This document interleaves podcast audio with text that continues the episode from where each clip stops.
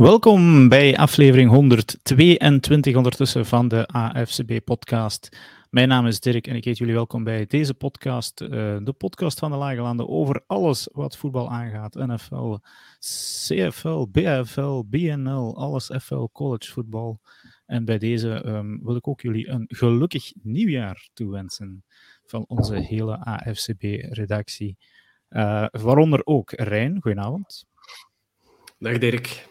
Dag Frans. En dag Frans. Voilà, kijk. Uh, ontdek, uh, Get it out of the way. Beste wensen. Uh, en zoals het cliché wil zeggen, uh, is gezondheid zowat het enige wat belangrijk is. En daar kunnen we eigenlijk al direct met de deur in huis vallen, dat het uh, helaas niet zo'n gelukkig nieuwjaar is. Um, want ja, we hadden natuurlijk een hele podcast voorzien, maar het uh, hoogtepunt van... Uh, hoogtepunt, sorry. Het, het, belangrijkste nieuws van deze week um, is dat er afgelopen nacht tijdens de Monday Night Football wedstrijd tussen de Cincinnati Bengals en de Buffalo Bills de safety van de Buffalo Bills, de Mar Hamlin, een, een hartstilstand gekregen heeft. Ja, ik denk dat het een zo'n soort moment is voor, voor de NFL en voor NFL-fans. Waar was jij toen jij um, vernam wat er met de Mar Hamlin uh, gebeurd is? Um, ja, we zullen het straks over de fase nog hebben, de gevolgen en dergelijke. Maar ik zou het misschien eerst eens aan Frans willen vragen. Uh, aangezien dat jij al de meeste NFL-ervaring van ons allemaal hier hebt, Frans, uh, heb je ooit al iets dergelijks meegemaakt? Nee. Uh, ik volg eh, American football bijna 40 jaar. En dat heb ik eh, nog nooit gezien. En ik had ook vannacht de, eh, de uitzending gezien. En dan gingen ze terug naar de studio. En ik denk dat uh, Schefter daar zat en dan nog een vrouw en een ex-speler. En die zijn ook al heel lang in de NFL. En niemand had dit ooit voor gehad. We hebben al heel veel gehad dat er iemand daar beweegloos lag. En dat die dan van het veld werd gekaart en eventjes uh, aangaf dat hij ja, toch nog iets kon bewegen of zo. Uh, maar iemand die gewoon neervalt en waar ze negen minuten CPR moeten voor doen, is nog nooit gebeurd. Nee. Nee. Ja, daarom dat het ook zo dramatisch is natuurlijk. Uh, het is een, een harde sport. Um, en het leek, ja Rijn, je hebt het ondertussen waarschijnlijk ook gezien, het, een, een tackle van 13 en dozijn. Het was namelijk T. Higgins uh, die een pass kreeg van Joe Burrow. Dus T. Higgins, de wide receiver, die gaat een paar yards downfield uh, waar hij de Mar Hamlin ontmoet. Um, ja, en hij krijgt, is het een, een, ja, een, een, een deuk op zijn borstkas van Higgins. Natuurlijk, ja, je, je, je mm-hmm. blijft er niet bij stilstaan eigenlijk, hè, moest er nu niks gebeurd zijn. Nee, nee inderdaad. Het is, het is wat, dat, wat dat Frans daarnet ook zegt, van eigenlijk zijn we als NFL-fans, als American football-fans, uh, toekoer, bijna gewoon dat er blessures tijdens een wedstrijd vallen. En die zijn dan, de een is erger dan de andere. Maar je bent zo gewend aan het feit dat hij, oftewel wordt hij van het veld geholpen, of staat, gaat hij één van het veld af, twee wordt hij recht geholpen en hinkt hij naar de zijlijn, of drie, worst case scenario, hij moet van het veld gekaart worden en er komt dan steeds meestal een duimpje. Dat duimpje, daar zijn we allemaal zo aan gewend. En in een fase als deze, waar dat gewoon niet gebeurt, waar dat, waar, dat Hamlin gewoon levenloos blijft liggen, waar dat er duidelijk direct emotionele reacties, zowel bij, uh, bij de Bengals als bij de Bills, als, bij, als in het stadion. Dat, je kon daar een speld horen vallen, blijkbaar dat is niemand gewoon. Dat is hetgene wat nu de, de, de NFL, wat nu de NFL, uh, de, de American footballwereld helemaal door, door elkaar schudt. En je zegt het, een 13 in een, een soort van een 13 in een dozijn tackle. En het is een, een freak accident eigenlijk, uh, als, ik, als ik het zo nalees.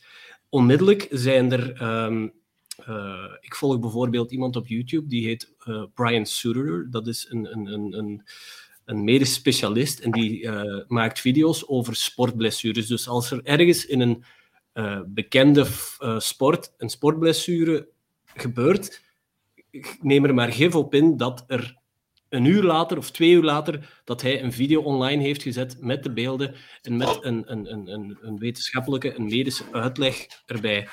En eh, in, in, in, om het in boeren-Nederlands te zeggen, uh, Damar Hamlin heeft gewoon brute, brute, brute pech gehad.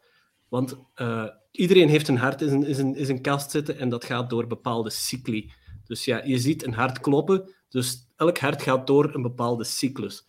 En als je in een, in een window van 20 milliseconden in die cyclus een hard genoeg blunt force trauma, trauma op je borststreek waar je hart zit krijgt, is er de kans dat je een hartstilstand krijgt.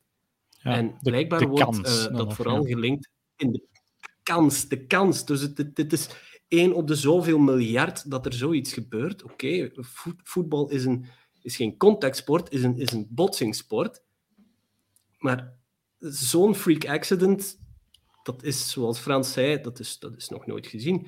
Er is ooit in de NFL één speler gestorven op het veld en die heette, die heette Chuck Hughes.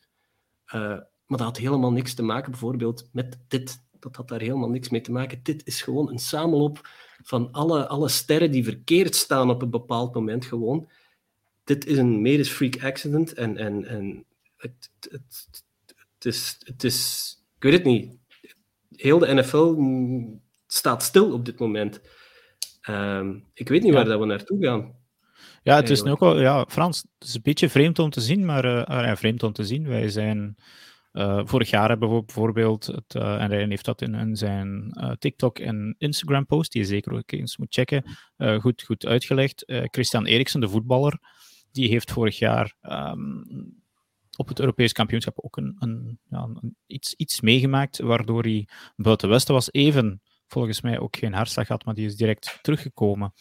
en die kon volgens mij, wat ik dan achteraf uh, daarvan nog onthouden heb, eventueel zelfs nog op eigen kracht het veld verlaten, moest het echt nodig geweest zijn. Ze hebben daar geen risico mee genomen. Um, Hij voetbalt al terug, hè? Ja, voetbalt al terug. Hè. Dat, is, allee, dat is het positieve aan, aan dit verhaal. Nu, die negen minuten CPR, en, en ik was vannacht eigenlijk toevallig wakker, uh, net nadat het gebeurd was. Uh, omdat ja, mijn jongste dochter was net wakker. En ik kreeg wat pushberichten uit een van mijn fantasy leagues. En ik zei, ja, wat is er aan de hand? En dan direct, ja, fucked up, dit, dat. Um, maar ik wel, de show must go on, Frans, zoals dat we een beetje gewoon zijn, is nu absoluut niet het geval. Uh, nee. Het is toch wel een, een, een zicht om te zien, eigenlijk. Je vroeg me, heb je dit al meegemaakt in de NFL? Nee, maar ik heb het wel al meegemaakt in het echt, in een werksituatie. Dus ik was uh, shiftmanager in een containerterminal. Uh, daar rijden hele grote machines. En iemand van ongeveer de leeftijd van, uh, van Hamlin uh, is zo'n machine omgevallen. Uh, dat is 65 ton. Dan kom je van 15, 20 meter naar beneden. En aanvankelijk leek het alsof ze die man konden reanimeren of er, terug opnieuw bovenop helpen. Onmiddellijk werd die volledige containerterminal operaties gestopt. Um, en dan drie kwartier later is hij overleden. En dat was in mijn shift. Dus ik heb iemand in mijn shift op een werk zien sterven. En dan hebben ze daar uh, de volgende 24 uur niet gewerkt. Daarna uh, was natuurlijk reacties van mensen dat het ja, alle soorten redenen kon hebben. Mensen reageerden daar heel anders op. Um, maar wat je wel hebt is, het enige waar ik aan dacht, is deze persoon is bijna gestorven op zijn werkplaats. En dat is hetgene waar al die anderen die op dat veld stonden aan dachten. Ja. Dus je ziet wel de reactie van zijn eigen teammates. Want je moet wel zeggen, als je soms de transactions ziet in een team, ja, daar zitten soms twintig spelers die binnen en buiten lopen. Soms heb je zelfs de kans niet om iemand te leren kennen. En als je dan nog in de offense zit, dan zie je iemand voor minder en noem maar op. Maar wat je zag is, is dat die Bengals-spelers, en niet alleen Bengals-spelers, maar al die NFL-spelers, wat je hoort het ook van de NFLPA, dat die allemaal denken, ja maar wacht, dit is gewoon een, medewerker van het werk waar ik voor werk, en die mens, uh, we weten niet als die, die gaat doorkomen. En dan heb je gewoon eventjes een moment, één, dat die wedstrijd al zeker niet kan doorgaan, maar twee, ja, dat jij ook wel het gevoel hebt van, uh, dat er zelfs iets kon gebeuren rond week 18. Ja. Dus voor mij is het zo, Ehm, dat de wedstrijd niet doorging, vond ik absoluut normaal, uh, wegens de staat, state of mind dat die mensen in zitten. Ehm, en daarnaast is het ook zo dat, ja, dit, dit is toevallig wel een sport die, die, uh, die toch wel zijn gevaren mee heeft. Die, die mensen weten dat ook wel. Maar dit, zoals uh, Ray net heeft uitgelegd, is zo'n freak incident dat je dat natuurlijk niet ziet aankomen. Nee. Ja, ik zie hier trouwens um, ik heb het nog niet vermeld, maar we zijn natuurlijk ook live op YouTube, Facebook. Uh, geef trouwens uh, eens een duimpje of een, een, like, een share als je aan het kijken bent, of later nog aan het kijken bent. Uh, een van de mensen die aan het kijken is, is Erly van den Abelen. En hij geeft hier toch wel wat, wat, wat uitleg dat het geen. Bij Eriksen was het een fibrillatie, geen hartstilstand. Dus, ja, en ik denk dat die spelers toen, die Denen, ook wisten van, ja, kijk, het komt wel goed. Um, en hij zegt dan ook, ja, het kan wel iets langer duren voor het goed komt dan. Ja, die negen minuten waren volgens mij ijzingwekkende minuten. Mm -hmm. um, als je het ooit gezien hebt, ik heb het ooit de pech gehad om het gezien te hebben, iemand die moet gereanimeerd worden, uh, daar ben je wel uh, even, even echt niet goed van, ook al ken je die persoon niet, niet per se. Um, ik zegt ook nog, kan een soort samenloop geweest zijn van een ritmestoornis bij de speler op het moment van impact. Dat is denk ik uh, iets, iets ongeveer dat Rijn zegt. Zegt, ja, moeilijk te zeggen. Um, dat, dat zullen we later pas weten. En, en dat heeft er eigenlijk ook, ja, misschien heeft het niet zoveel van doen. Um, op dit moment is de situatie van de speler, de familie heeft daar straks nog een, een status gedeeld um, dat hij stabiel is, uh, maar er worden weinig details gegeven. Of dat nu uh, goed nieuws is of slecht nieuws, uh, dat, dat laat ik nog even mm -hmm. in, het, in het midden. Um, ja, ja. En, en laat ons ook niet vergeten dat, dat als je negen, negen minuten CPR heeft dat, dat hart dan negen minuten stilgestaan? Kan ja, nee, nee, nee, wat je gedaan hebt is, je hebt ervoor gezorgd dat het ja. bloed blijft pompen, hé, dat je, ja, dat je bloed er... blijft... En hij heeft ook onmiddellijk zuurstof gekregen, hé, want tegenwoordig moet je bij CPR niet meer, zogezegd, in de mond blazen, enkel de hartmassage. Als hebben en de hartmassage gedaan, en hem onmiddellijk ook zuurstof kunnen geven. Ja. Dus die combinatie zorgt ervoor dat zeker wat, wat naar de hersenen betekent, ja. dat dat misschien... Uh, maar we kunnen niet speculeren ja. natuurlijk. Nee, ik, ik nee, las nee. nog de mening nog van één, uh, er is ook zo Pro Football Doc, ook iemand die ik op Twitter volg, uh, toch wel een tip. Die geeft wekelijks updates aan blessures en dergelijke, maar die gaf natuurlijk hier ook even zijn mening over. En die zei van ja, er, er waren maar twee plaatsen ter wereld uh, waar dit voor Hamlin het beste kon gebeuren. Dat was één op, in een ziekenhuis en twee op een voetbalveld tijdens een wedstrijd dan nog. Gebeurt dit op training, zijn er ook niet die, die dingen aanwezig om hem zo direct te helpen. Dus op dat vlak uh, hoop ik dat het natuurlijk nog, en hopen we allemaal volgens mij, dat het goed komt. Uh, ik wil ook toch eventjes, en dat, dat krijgt dan wat minder aandacht, maar ook uh, voor T. Higgins. Uh, en, mm. in zekere, in zekere mate ook, ja, ik weet niet, ja, we laten de beelden niet zien, omdat het toch wat gevoelig kan zijn, maar T. Higgins geeft dan ja, die, ja, een duw, ah, ja, een duw met, zijn, met, met zijn kop wel. En, en ja, Hamilton staat, aan, ja, staat, staat recht, valt achterover, eigenlijk op de voeten van Joe Mixon. En die heeft direct door ook van, hier is iets aan de hand. Ja. En, en, ik denk inderdaad dat het ook voor die Bengals um, geen gemakkelijke nacht geweest is. Um, dat we daar zeker ook niet blijven stilstaan. Want ja, Higgins is geen dader in deze. Um, maar wordt volgens mij toch nog wel vergeten. En je zag, nu, ook, je zag ook onmiddellijk, uh, als je de live-uitzending hebt gezien, uh, ik vond de leiderschap van Jordan Poyer ten opzichte van uh, Josh Allen dus je ziet de headcoach en, een, en de referee praten met uh, de twee captains, uh, Poyer en Allen. En je ziet Poyer onmiddellijk aangeven van, nee. dit wordt het hem niet. Uh, ja, en dan zie je ook de coaches met elkaar praten.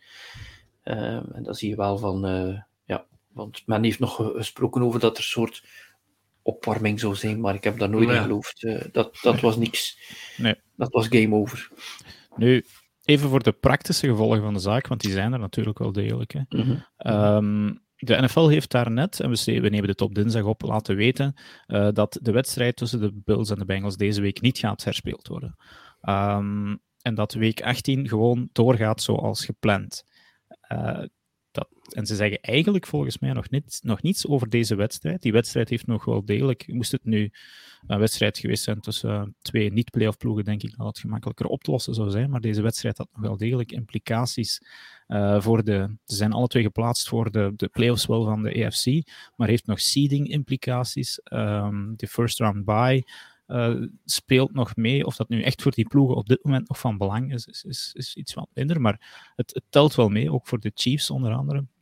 Dus ja, er gaat wel volgens mij een oplossing moeten gevonden worden. Heren, hebben jullie een idee wat de NFL misschien van plan is? Ik heb een oplossing, maar als de NFL het gaat doen, dat weet ik niet. Ja, ja ik heb er ook eentje. Maar ik ben benieuwd. Uh, Frans, zeg maar. ik, ga, ik ga eerst luisteren naar die van jou, Dirk. Ik ben, ben benieuwd. Ja, ik, ik, hm. herinner mij, en ik was er net nog even aan het speculeren. Ik zeg van ja, schuif gewoon de boel allemaal een week op. Um, en snijd die week tussen de, de EFC Energy Championship en de Super Bowl er tussenuit. Um, maar ik denk eerder van schuif alles een week op. Um, zodat die twee weken er nog wel zijn. En ik weet van in de COVID-tijden dat de NFL het Super Bowl-stadion twee weken achter elkaar reserveerde. En ik heb ook ergens al gelezen dat het State Farm Stadion in Arizona uh, de week erna dat er geen uh, evenement is. Nu, dat dat allemaal met mediaplanning en dergelijke uh, zou geven, is een andere zaak. Maar al die andere venues, die, kunnen, die zijn nog niet zeker eigenlijk. Er is maar één plaats waar heel zeker al op een bepaald moment voetbal ging gespeeld worden, en dat was in Tampa Bay. Omdat die de enige seats zijn die echt al vaststaan en weten waar dat ze moeten gaan spelen. Namelijk in eigen huis. Um, dus ik denk dat daar allemaal nog wel mee kan geschoven worden, ook met die tijden. En dat je dan de Super Bowl een week opschuift en gewoon de wedstrijd Bills-Bengals na week 18 nog speelt. Dat is mijn oplossing. Ik heb er nog niet te veel over nagedacht, maar... Duidelijk wel. Ja, nee, maar of dat, het nu echt, of dat het nu echt kan kloppen. Hè? Maar goed, dus Frans, wat was jouw oplossing? Ik, ik denk wat je zegt is logisch. Hè? Dus uh, die week daartussen, is dat de, dat is de Pro Bowl zeker? Ja. Uh, dan laat je de Pro Bowl op, zater, op zaterdag spelen of, of, of blijf je hem op zondag houden. Ja. Gewoon uh, na week 18 die wedstrijd laten spelen. Um, en dan, je kunt het eventueel Thursday night doen. Zodanig dat ze misschien uh, allemaal tien dagen nog hebben. Maar dan, uh, en dan, ja, dan ga je er gewoon een weekje van tussen knippen. Ik denk dat de Super Bowl verplaatsen moeilijker zal zijn. Ja. Maar uh, dat zou ik zo doen. Ja. Oké. Okay, um... hmm. ik, zie daar een comment. Ik, fan, ik ga die niet delen. Uh, ik, ga, ik ga ze toch heel even laten zien. nee. Um, ja, het is praktisch, niet alleen voor de spelers, maar voor de fans is dat nee. ook. Ja, nu, ja. in ieder geval, uh, ik, ik heb wel zelden zo een, een uh, samenkomst, ook ik volg het al heel erg op Twitter, van NFL-fans, uh, media en dergelijke. Zo van, oké, okay, alles is nu even onbelangrijk. Cancel die wedstrijd, heb ik zelfs gelezen, zolang als die Hamlin er maar doorkomt. Uh, ja, ik zeg het, het is toch een beetje... Dat gaat niet, dat gaat niet gebeuren, hè? Nee, nee, je kan dat moeilijk doen. Uh. Moet er is, wel, er, is, er is wel een moment dat, en ik zeg het, alles wat we nu vertellen heeft, verzinkt in het niets bij het feit dat die mens uh, eventueel op sterven ligt, of misschien zelfs voor zijn leven zou kunnen daar gevolgen van hebben. Maar dat gaat geen twee of drie dagen duren voor men begint te praten over betting over. Ja. ja. maar ja, het was deze week uh, fantasy uh, playoffs en de fantasy leagues bij de AFCB. Ja, dat zijn fantasy leagues. Men speelt daar hopelijk om iets te winnen, maar het ja. is meestal een klein cadeautje. Maar er zijn mensen die voor uh, heel veel geld fantasy spelen, dus dat zal geen twee, drie dagen duren voor men uitsluitsel wil over wat wil de NFL nu doen. Versta je? Ik zat, ja, ik zat zelf in de finale met een inzet van 750 dollar. Mm-hmm. Nu, we hadden al afgesproken om het wat te verdelen. Ik, uh, als het nog lang duurt, ga ik gewoon voorstellen om het 50-50 te splitten. En, en, misschien zelfs een deeltje naar charity, maar goed. Uh, ben, ik, uh, ben ik eigenlijk zelf minder mee bezig. Um, ik wil nog hier de oplossing, de oplossing van Bart bekijken. Kunnen ze de Bills game van week 18 niet op vrijdag spelen en die inhaalmatch de woensdag erop? Um, ja, maar dan komt die, de eerste wildcard-wedstrijd er wel heel snel achteraan. Dus ik weet niet of dat dat uh, volabele oplossing is. Uh, voor mij mogen ze alles een week opschuiven. En ik denk, omdat we er nog niets van horen, dat de NFL nu ook even bezig is om, die, om dat te organiseren. Ze zeggen gewoon week 18 gaat door. Uh, uiteindelijk na week 18 moeten ze enkel nog met die 14 playoff teams rekening houden, de rest eigenlijk niet meer. Mm-hmm. en die venues. Dus ja, oké. Okay. En dan, ja, heeft natuurlijk wel de oplossing nog, die, uh, die wildcard-wedstrijd. Wat dat er dan mogelijk twee wil zijn, die flexen ze naar maandag. Ja. Nu, in COVID-tijden hebben we wel gezien dat de NFL redelijk flexibel is met die zaken eigenlijk. Scheduling en dergelijke. Maar misschien ja. in playoff-tijden dat ze toch niet echt uh, bepaalde ploegen willen gaan benadelen. goed. Ehm, dat was dus helaas het, ehm, het, het, het, grote punt van deze week. Er gaat zeker nog gevolg aan komen. We hopen op een positieve uitkomst voor Hamlin. Ehm, ik kan nog even meegeven ja, voor. Ja, zeg maar. Toch nog een leuk detail dat uh, Hamlin een, een, een soort van charity heeft in zijn, in zijn, in zijn hometown in, in aan de kanten van Pittsburgh is dat. Dat hij een, een toy drive doet elk jaar. En um, twee jaar geleden is hij opgestart of zoiets. En het doel daarvan was drie, uh, 2500 dollar. En ik ben daar net nog eens gaan kijken. Die leunde al tegen de 4 miljoen of zat over de 4 miljoen dollar aan.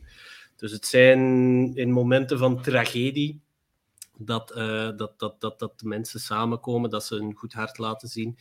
En dat zijn Toy Drive, ja, dat is, ja. ja. ja ik zeg het is een heel Amerikaans verhaal allemaal. Hè. Dus, uh, ja. Die charities speelgoed voor de rest van hun leven daar aan de kanten ja, het was, Het was voor één daycare center, dus als die 4 miljoen aan speelgoed gaan krijgen, dat worden allemaal VR-brullen, Tesla's en dergelijke. Maar ja, liever geen Tesla's. Ja, maar als, als ze VR-bril krijgen, hopelijk werkt het NFL-spel New Era wel. Ja. Beter dan die bij mij werkt. Oei, is het al afgelopen, Frans?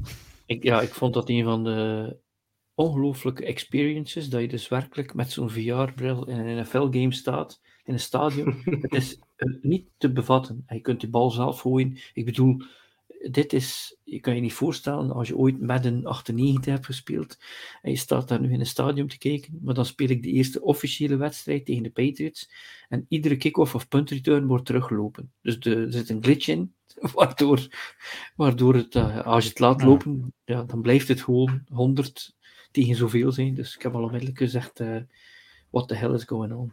Ja, okay, alle begin is moeilijk. Uh, Binnen tien jaar, Frans. Uh, ja, oké. Is het alsof je echt Super Bowls kan spelen. Nu, goed, er was natuurlijk ook week 17 actie NFL uh, dat we gaan bekijken. En de playoffs komen zeer dichtbij.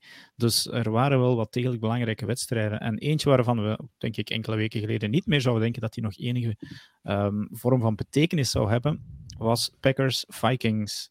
Um, Frans, had jij die becommentarieerd op, op Eleven Sports?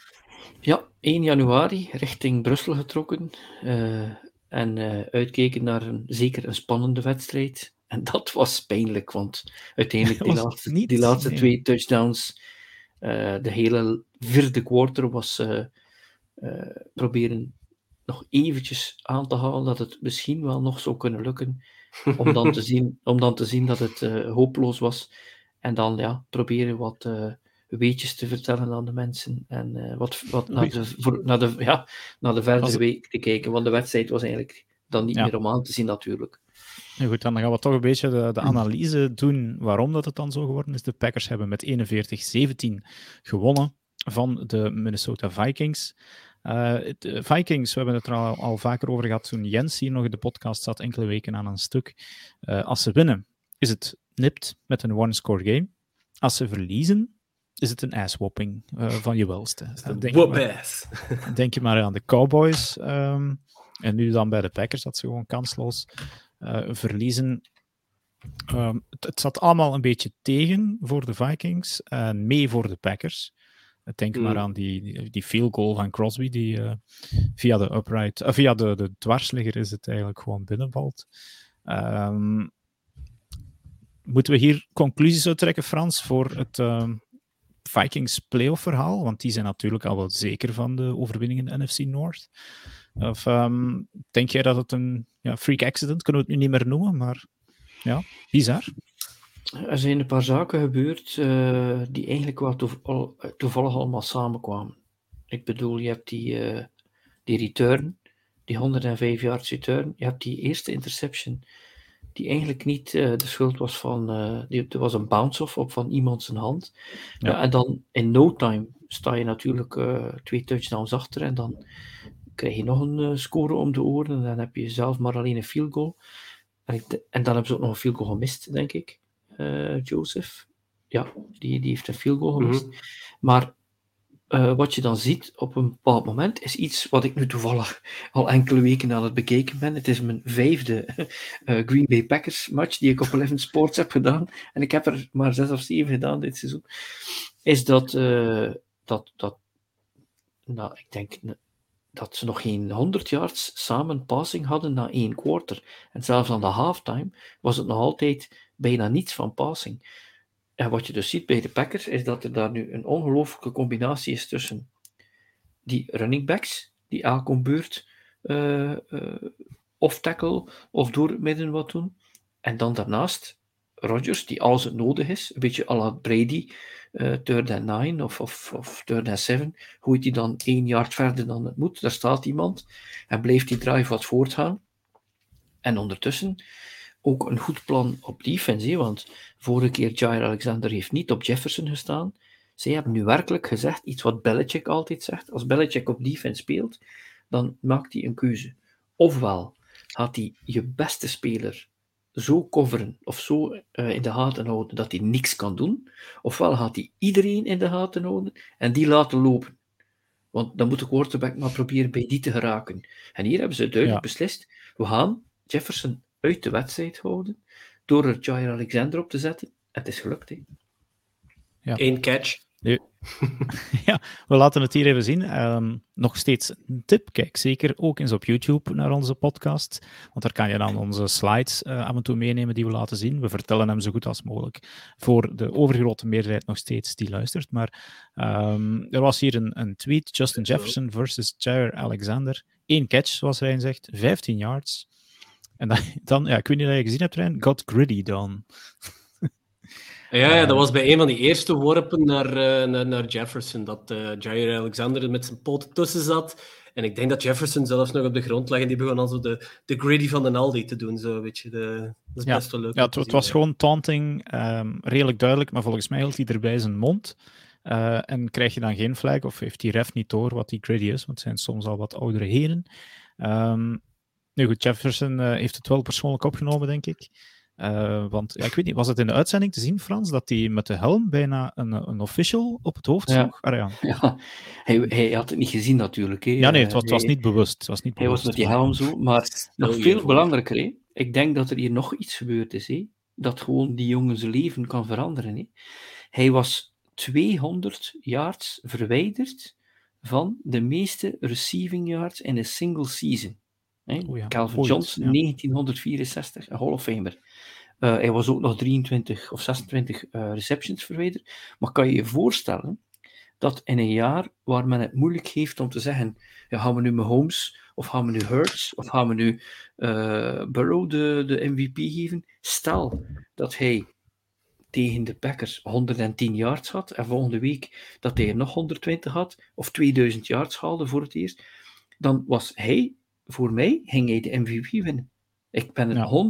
100% zeker dat als hij 2000 yards had gehaald of dit record had gebroken, doordat nu Hurts een beetje eruit is en Mahomes is hij wel zo goed voor MVP, ja, dan was hij 100% MVP.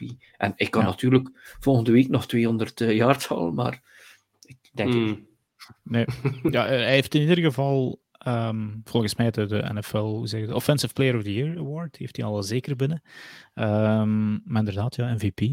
Nu, hij was heel gefrustreerd, want de laatste lijn op die tweet, deactivated his social media. dus die, dat, is een beetje kind, uh, dat is een beetje kinderachtig, hè? Ja, oké. Okay. Ik weet niet wat dat die... Uh, ja, als, je, als je bewieroken, hij zit op uh, social media, moet er ook een opzitten als het minder gaat. Exact.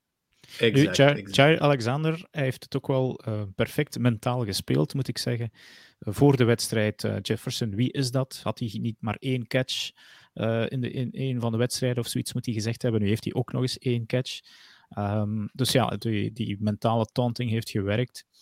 En, ja, oh, Jair Alexander werd toch redelijk hard gesmoked in die openingwedstrijd tussen de Vikings en de Green Bay Packers. Dus dat is niet zonder risico dat je dan je bek open trekt, want het was toen wel degelijk Jair Alexander die heel de wedstrijd op de rooster lag en er uh, met een verbrand gat vandaan kwam. Dus dat uh, ja. is wel een beetje, ik vond het wel... risico natuurlijk. Hè. Normaal gezien krijg je er een flag voor hetgeen dat hij deed. Nu vond ik het wel... Ja, het is wel natuurlijk een... een, een, een um, een, een heerlijke rivalry. Die gritty. Ja, die gritty, ja. Normaal gezien, je, er heeft al vorig jaar iemand een flag gekregen om naar de overkant uh, te kijken gewoon. Dus dat nu, uh, deze, die dan dat niet was niet kijken, dat was wel degelijk uh, mond opentrekken. Dat was wel Ah, degelijk ja, zijn mond goed. open doen. Um, ik denk dat ik weet welke fase dat je voor Ja. Nu goed, als we dan dat is wel degelijk taunting dan. Hè? Oh, ja. ja. Ja, dit was taunting als je zou weten waarover het gaat. Je zou kunnen denken, die viert gewoon het feit dat hij die bal heeft kunnen wegslagen. Maar mm. Um, nu, uh, de Packers. Vier weken geleden dacht ik van we spreken er het laatst over, of vijf weken geleden. Toen stonden ze 4 en 8. Hadden ze volgens mij nog van de Colts verloren, uh, God betert. Uh, en nu staan ze 8 en 8. En zijn een van de ploegen die, als ze volgende week winnen, uh, die hebben alles in eigen handen, zitten ze in de playoffs. Win en um, in. Win en in. Um, wat zijn de kansen van de Packers, Rijn? De kansen zijn zeer groot op dit moment, vind ik. Um, dit is een team waar ik in het begin van het seizoen uh, geen stuiver voor gaf na, na, na vijf, zes weken. Omdat je zag dat één, uh, op alle vlakken liep het mis. Op special teams liep het mis. Defense kon niks stoppen. En Rodgers die vond maar geen connectie met, zijn, uh, met, met Romeo Dubs, met Christian Watson. Maar dat is dan stilletjes aan elke week. Ja, als het money time uh, moest worden, dus de laatste vijf, zes weken, zijn die alleen maar beter geworden. Hè? Die defense die begint uh, scary te zijn. Um, we hebben nu gezien, special teams, ze beginnen, uh, ze beginnen zelfs kick-offs terug te lopen. Um, de, de offense, Rodgers vindt, vindt Watson, ehm, vindt Randall Cobb, vindt Romeo Dubs, vindt zijn tight ends. Dit is momenteel het team waar je volgens mij op dit moment niet tegen wilt spelen. Dus de Lions die hebben ook nog hun kans. Maar het is thuis in Lambo. Ja, Verbeter me als ik fout. ja, het, is, het is koud. Dus dit is het moment waar dat de Packers nu kunnen bewijzen wat dat ze de laatste week hebben kunnen laten zien door stelselmatig beter te worden. En dat zie ik heel graag in een team, dat die stelselmatig beter worden. De Vikings bijvoorbeeld, dat was op en neer, op en neer, op en neer, op en neer. Dus dat is geen goed teken, zeker niet als je naar de playoffs gaat nu. Uh, ze staan momenteel tegen de Giants um, gescheduled, dus ja, oké, daar kunnen ze misschien nog een klein beetje meeval hebben. Maar de Packers momenteel, uh, als ze enkel moeten winnen van de Lions, geef ik ze, geef ik ze 80%. Nee, wacht, 85% kans om door te gaan. Tot zelfvertrouwen. Frans, uh, deel jij die mening? Ik, ik kan bijna niet begrijpen dat als je 4 en 8 bent, dat je nog een kans hebt om in week 18 een wedstrijd te spelen en win en you're in. Dat je zelfs niet afhankelijk bent van iets anders. Dat is al een hele grote verwondering voor mij. Het heeft natuurlijk te maken met de zwakte van de NFC West. Maar dat mag je ook niet vergeten, want ik denk dat Bills Packers als Super Bowl had gezet. Uh, als, als, hij, als ze winnen en hij zit in de playoffs, dan moet je je gewoon afvragen naar playoff ervaring, naar Super Bowl winst, naar poise. Uh, zet hem tegen Purdy, zet hem tegen Jones, zet hem tegen Hurts of Minshew, zet hem tegen Cousins, zet hem tegen Dak en zet hem tegen Brady. Die eigenlijk alleen maar de laatste vier minuten van de vierde quarter speelt, de laatste uh, twee maanden. Mensen wordt oud. Sorry dat ik moet zeggen, maar als ze in de NFC de Packers binnenlaten, dan zijn ze er nog niet uh, vanaf. Hè? Nee. Nu, de NFL heeft uh, de Seahawks wel een curveball gegooid, moet ik zeggen. Door de, de, de Packers-Lions-wedstrijd op uh, naar zondagavond te flexen. Um, en de Seahawks spelen al ja, in de, de namiddagwedstrijd eigenlijk. En, en het is die wedstrijd die ook mee bepaalt um, of die wedstrijd tussen de Lions en de Packers nog, waar dat, uh, ja, heeft dat nog belang eigenlijk? Of het zal sowieso belang hebben. Uh, maar als de Seahawks winnen, dan zijn de Lions uitgeschakeld. Dus de Lions weten op voorhand eigenlijk al of ze nog ergens voor spelen of niet. Speelt totaal geen rol. Ja, Speelt totaal geen rol. Nee, nee. Als Campbell had er alles aan doen om 9 en 8 te eindigen. Alles. Uh, het, zal, het zal moeilijk zijn of bijna niet te doen zijn, omdat hij Lambo is. Hè. Moest dat in, uh, in Detroit zijn, dan hebben ze echt wel een kans. Want daar hebben ze thuis heel goed gespeeld. Maar uh, al moet hij zelf op het veld stappen, hij gaat het niet. Dat zie ik hem nog doen. ja. Nee, was hij was er ook niet van, van 1-6? Ja, ja, ja, begonnen. Als je dan, als je dan 9-8 kunt, kunt eindigen, ja, ga je zeker niet laten. Hij heeft het al zelf gezegd. Hij heeft zelf gezegd dat hij het niet gaat laten. Nee. Ja, dus eigenlijk, uh, Yves reageert hierover, want hij is Seahawks van. Ik dacht al, waarom post hij daar Go Lions? Maar het is uh, omdat het mm. wel degelijk... Uh, stel dat de Seahawks winnen, dan, dan moeten de Lions winnen om de Seahawks in de playoffs te laten. Nu, straks nog meer playoff talk. Um, Volgende wedstrijd die we even kort willen bespreken: Buccaneers Panthers 30-24. Uh, ik heb een paar keer met een scheef oog gekeken naar die wedstrijd. Ik zag dat het 14-0 voor de Panthers was. Ik zag dat het 21-10 of 24-10, sorry, voor de Panthers was. Um, maar dan ja, twee mannen: Brady, Evans. Drie keer was het? Drie keer. Drie keer op exact dezelfde play, volgens mij ook. Of exact dezelfde route dat, dat Evans liep uh, langs de rechterkant van het veld en elke keer mooi in het match. Gewoon een, gewoon een go-route, zeker Frans, denk ik. Uh, mm -hmm. Die telkens gewoon. Wel, ja. CJ Henderson, nogthans geen onervaren, of ja, het is nog een jonge cornerback, maar... Uh, die zag er niet goed uit. gewoon een korte, korte out en up en zo. En ja, maar wat je ook weer ziet is als je eventjes gedacht had, Sam Darnold doet het niet slecht, want dat was zeker zo in de eerste helft.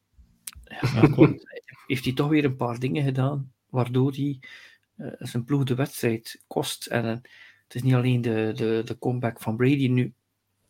Mijn vermoeden is wel, als je zoals de Buccaneers de laatste weken en in veel wedstrijden afhankelijk geweest bent van op een bepaald moment stop maar met alles Brady moet nu beginnen gooien om dit hier recht te trekken.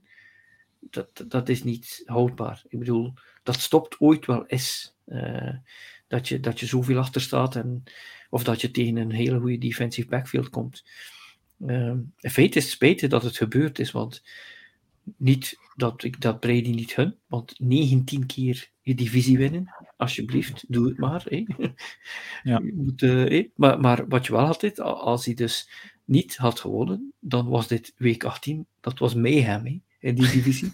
dat was gewoon, dan kon ja, dan de, alles de Saints, de, de, ja, dan, dan Enkel de Falcons hadden toen geen kans meer. De Saints en Panthers en Buccaneers zouden nog kans gehad hebben. Ja. Uh, nu, ja, Brady wint en de Buccaneers winnen dus voor het tweede jaar op rij. Want in een, een Super Bowl jaar hebben ze die divisie niet gewonnen. Goed onthouden. Uh, en ze staan nu 8 en 8 en zullen met uh, 8 en 9 of 9 en 8 de divisie winnen. Um, ja, ik, ik, ja, ik hoor al, al weken op allerhande podcasts van ja, pas op voor Tom Brady in de playoffs. Maar nee. het, is toch, het lijkt me toch een armtierig team. Ik bedoel, Leonard Fournette... Het is een slecht ja, team. 10 rushes, Dit 28 is... yards. Uh, die O-line, die, die Brady, die krijgt heel weinig tijd tot, tot zijn eigen grote frustratie. Um, kreeg een flag tegen. Maak het mee deze week. Uh, dus ja, Rijn, jij, jij hebt het uh, niet begrepen, denk ik, hè, Tom Brady. Um, of toch ik, niet uh, die, die, die adoratie van, van, de, heb... van de Buccaneers van nu. Laten we het daarop houden. Klopt, daar, daar, daar zeg je het helemaal. Brady helemaal. Daar heb ik het... Dat, het gaat niet over de persoon Brady, dat is een fantastische quarterback. Zijn cijfers zeggen alles. Maar inderdaad, bij de Buccaneers, vooral dit jaar begrijp ik het echt niet dat daar nog mee gegoocheld wordt met die uh, pas maar op. Um, okay, ik, ik, kan misschien een tekst op de neus krijgen als hij uiteindelijk toch weer in die Super Bowl staat. Maar als je de logica gewoon naast, als je, als je het gewoon logisch gaat bekijken, als je de cijfers van die ploeg bekijkt, als je die offense bekijkt, als je die defense bekijkt. Ja, eh, als, Tom Brady had hier nooit gestaan als die defense in het begin van het seizoen ook niet zo goed was geweest.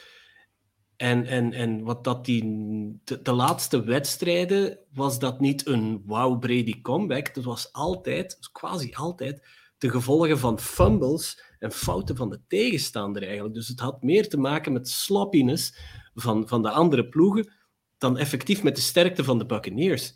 Ja, maar dan, dat hebben we de laatste, dat hebben we de laatste weken nog gezien. Hè? Ja, nu ook weer, hè? Nu ook weer, hè? Met die fumble. Als die fumble niet gebeurt, toen was het kalf al wel verdronken, denk ik, met die fumble. Uh, of was het die interception? Rein, je in ieder geval, het was weer fout. Rein, je hebt daar gelijk in. Maar ik weet niet als je het gemerkt hebt in de vorige twintig jaar, hoe de New England Patriots hebben gespeeld. Hmm? Eerst hun, de tegenstanders een bord leeg eten, hen laten fouten maken, do your job, en dan op het einde de nekschot. En wat je hier ook ziet, is, er zijn heel veel wedstrijden geweest waar teams niet alleen het percentage, wat is de percentage, winning percentage at this point, die daar stond, maar ook dat teams zelf die tegen hen speelden dachten, het is in de chakos, het is binnen. En hij deed het. En hij mhm. deed het niet om, om, Hij deed het omdat hij is wie hij is. Hè. Dus daarom zou ik toch wel uh, met twee woorden spreken als die in de playoffs komen. Want uh, ze, spelen, ze gaan waarschijnlijk tegen de Cowboys spelen. Tegen de Cowboys, ja. Momenteel ja, ah, man, ik zou de Cowboys zijn. McCarthy, die, die heeft nu al uh, diarree. Ja, het is, het is erg dat McCarthy die ploeg uh, coacht, want anders uh, zijn, die, zijn die volgens mij... Allee, loopt, loopt Dallas daar gewoon over, want de, de run defense van, van Tampa Bay was, is toch ook niet je van het. En als je dan uh, Pollard en, en, en Elliott hebt en ja, Dak die toch ook op een, uh, op een run kan zetten, tenzij dat hij op het einde van de wedstrijd uh, down the middle loopt met vier seconden nog op de klok. Um, ja, dat wordt wel een hele interessante matchup, denk ik wel. Maar wat ik ook speciaal vind, wat ik ook speciaal vind dit seizoen, ik ga wel ergens eens kijken als het mijn theorie onderbouwt. Maar ik zeg het, ik, ik, ik keek NFL vanaf 84 en in 84 had ik natuurlijk niet social media en toegang tot alles wat ik nu heb. Maar het is uitzonderlijk hoeveel teams ik bekijk of uh, ik zelf moet, moet en waar ik in de voorbereiding zie dat ze nog nooit zoveel blessures gehad hebben dat er nog nooit zoveel spelers op de offensive line geroteerd zijn. Dat er nog nooit, ik bedoel, je, je, hebt, of zijn spelers die met blessures spelen. Het is een hele rare situatie. En dit wordt ieder jaar meer sinds ze uh, minder preseason hebben, sinds ze niet meer mogen two-days doen. En ik zeg niet dat het vroeger beter was en als ze elkaar uh, twee maanden, uh, drie, maanden, drie weken aan een stuk snot uit de bek aan het slaan waren, dat ze dan beter gewapend worden om dit te doen. Maar er is iets wat ervoor zorgt dat je eigenlijk nooit kan zeggen, maar zoals we nu hier staan, binnen vier weken, die, die drie ploegen die daar over vier weken staan, doe maar een W. Je kan het niet, omdat je gewoon zoveel blessures hebt. Ja, Nee, daar, daar raak je volgens mij een, een, punt waar ik zeker... Straks ga ik er nog op terugkomen, op, op een of andere slinkse manier. Mm Goed, uh, de derde wedstrijd, die, uh, we, pikken steeds wedstrijden met playoff implicaties op, was Patriots tegen uh, Dolphins. Um, ehm, 23-20 voor de Patriots. Geen hoogvlieger van een wedstrijd. Um, nee, absoluut niet. Ja, ook weer door omstandigheden. Blessures, Frans, je zegt daar iets. Teddy Bridgewater begint nog aan de wedstrijd voor de Dolphins. De Dolphins die op dat punt al vier wedstrijden op rij verloren hadden. Um, gooit een pick six en blesseert dan bij het, het proberen te tackelen van, is het Kyle Duggar of hoe heet die kerel? Uh, van, de, van de Patriots, blesseert daar zijn vinger en kan niet verder. Skyler Thompson moet in de wedstrijd komen. Um, en ja, nu, ik ga niet zeggen dat het uh, op voorhand uh, dat, dat ze met Teddy meer kans zouden hebben. Maar ja, het is het, is het zoveelste moment van de Dolphins. Uh, Tua die niet kan spelen door alweer een concussion of toch concussion protocol. Um, ja, Frans, het is toch stilaan om, om ja, de, de, Dolphins verliezen dus voor de vijfde week op rij. Dat ze daarna, daarvoor vijf weken op rij gewonnen hadden. Frustrerend volgens mij. Eh, volgens mij uh, ligt het aan McDaniel. Dus ik denk dat dit een hele goede coach gaat worden. Ik denk dat we er nog lang plezier gaan hebben. Maar je ziet dat hij zijn dues aan het payen is. Dus, dus, als het goed gaat, als ze winnen, dan is dat een beetje die guy met de boyish charm en dan, heeft, dan weet hij het goed uit te leggen. Heeft letterlijk gezegd in de persconferentie na deze wedstrijd, ja, dit is een wedstrijd waarvan ik gedacht had dat we alles in huis hebben om die te winnen. Ja. De verwachting was gewoon dat we deze gingen winnen. Weet je wanneer dat je weet dat je gaat winnen? Als je goed voorbereid bent. Hij was niet goed genoeg voorbereid. Je hebt Belichick onderschat. Je bent in die wedstrijd gegaan met te denken van, oké, dat zijn mijn strengths, dat zijn their weaknesses. Als ik het tegen elkaar zet en als ik het gewoon, uh, laten we zeggen, analytisch bekijk, dan is dat een plus 4 voor ons. Nee, nee. Je speelt bij de Patriots, dat is min 2. Hij speelt tegen de Belichick, dat is nog eens min 3. En dan verlies je. ja. Weet je? hij gaat, het is een les die hij leert, maar het is een harde les. Hè. Maar voor hetzelfde geld zitten ze dus niet in de playoffs. Natuurlijk, met third string quarterback spelen, hè, dat, is, uh, dat, dat, dat, is niet ideaal. Maar de San Francisco 49ers, waar hij vandaan komt, die doen dat ook. En daar doet die quarterback dat wel. En waarom? Omdat dat systeem klopt. Heel die offense is iets waar je kan uh, mee hebben. Ik denk dat die Bill Belichick heeft onderschat. Ja. En ook de, de tenacity met hoe die mannen spelen voor, uh, voor de Patriots. Ja, nu de, de Patriots, laten we het daar even over hebben. Ja, je bent er toch ook niet echt van onder de indruk eigenlijk. Het is geen wauw voetbal. Nu, um, het, de Patriots zijn trouwens het tweede team na de Packers die alles in eigen handen hebben. Uh, als de Patriots volgende week winnen tegen de Buffalo Bills, dat is wel hmm. een, uh, iets, iets anders dan tegen de Lions. Uh, dan zijn zij geplaatst voor de playoffs en doet de rest er allemaal niet meer toe. Um, maar ja, het is toch. Ik ben ook weer verbaasd dat het team um, met dat record op die plaats vandaag nog staat. Uh, Laat dit een teken zijn, en, en ik ben er geen voorstander van geweest, van die play-offs, om daar ploegen aan toe te voegen. Ik, ik, mm, ik ben er geen ja, fan van, van dat systeem dat er nu. Uh, hoeveel ploegen zijn het die, uh, die naar 14, de play-offs gaan? 14. 14. Dus die, die, de division champs, absoluut. Die hebben hun divisie gewonnen, laat die naar de play-offs gaan. Maar als je inderdaad ziet dat, dat ploegen met God beter zo'n... Uh, een ploeg als... Ja, sorry dat ik het nu terug moet zeggen met de Buccaneers. Als, met, als je met zo'n record uh, naar, naar Zijn de, de division champs, hè? dus... Ja, ja, ja, absoluut, absoluut. Ah, juist, vorig jaar, vorig jaar. Ja. Maar, maar nu, nu, zie je dat ook inderdaad de Patriots um, heel, het, heel het seizoen eigenlijk ja, average at best. Met een quarterback uh, die nog altijd niet heeft laten zien dat hij, waar dat je een, een, een ploeg uh, mee kan bouwen. Um, die naar de playoffs. Ik, ik, ik vraag me af wat die daar gaan doen eigenlijk. Ja. De, de, Miami Dolphins die hebben gewoon een probleem momenteel, vooral op quarterback dan.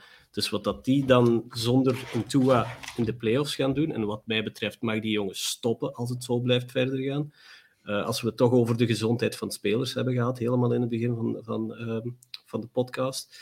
Een blessure, daar herstel je van. Een, uh, een hersenen, daar heb je maar één set van. En die herstellen niet zomaar. Dus uh, zowel Miami als de Patriots vind ik geen meerwaarde aan de playoffs, eerlijk gezegd. Ja, ik, ben, ik, ga, ik ben niet 100% akkoord erin, in die zin. Een paar weken geleden hadden de AFC East en de NFC East een kans om vier teams naar de playoffs te laten gaan. Ja. En dat wilde zeggen dat zij eigenlijk, als zij speelden tegen uh, teams buiten hun divisie, dat ze die eigenlijk hebben, dat ze daar de, de, de vloer mee hebben mee aangeveegd. Ik wist natuurlijk, op het einde van het spel moeten die NFC East teams en die AFC East teams tegen elkaar. Dus dat gaat elkaar wel wat uitvlakken. Maar die divisies, beide divisies, hadden dit wel verdiend. Uh, hm. En je ziet, uh, bij de NFC East is het gelukt. Daar zitten er drie daarin. Uh, het is alleen maar omdat de, de Redskins, uh, de Commanders, sorry, in de Oeh. laatste weken de shit de, nee, de, de, commander, de Commanders shit the bed, eh, de laatste weken. Maar ik, ik, ik heb een goed gevoel gehad van de AFC East tot december begon. En dan was het gedaan. Money time, ja. ja. Hmm. Nu goed, uh, we zullen zien wat, wat, dat geeft met die teams in de playoffs. Nu, ik moet ook wel zeggen, de, de, de Dolphins uh, moest er een pech award van het seizoen zijn. Ze zouden hem waarschijnlijk ook is van. Uh, maar bijvoorbeeld ja, deze belangrijke wedstrijd, u was er ook niet bij. Geen Tron Armstead, geen Bradley Chubb, geen Xavier Howard. Nu, je denkt, als je die wedstrijd ziet, er is niks aan de hand, want ik zie hier Tyreek Hill, ik zie daar Jalen Waddle. Maar die drie mannen die ik heb opgenoemd, zijn van levensbelang. Een, een tackle een, een defensive rusher. Um, wie was de derde dat ik heb opgenoemd? Um, ja, Xavier Howard, de cornerback. Uh, zonder je sterren op defense of op de O-line wordt het knap lastig. Zonder je starting quarterback wordt het knap lastig. Um, dus ik ben benieuwd. Ik ga nog het, de conclusie van het seizoen van de Dolphins nog niet maken, Frans. Want uh, ze maken nog kans. Ja, maar wat je ook hebt is... Uh, dit is natuurlijk een beetje...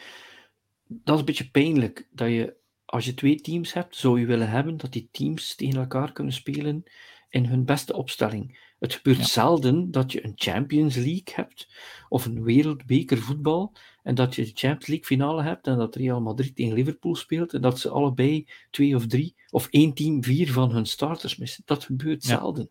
Maar hier speelt dat echt wel een grote rol. Ja.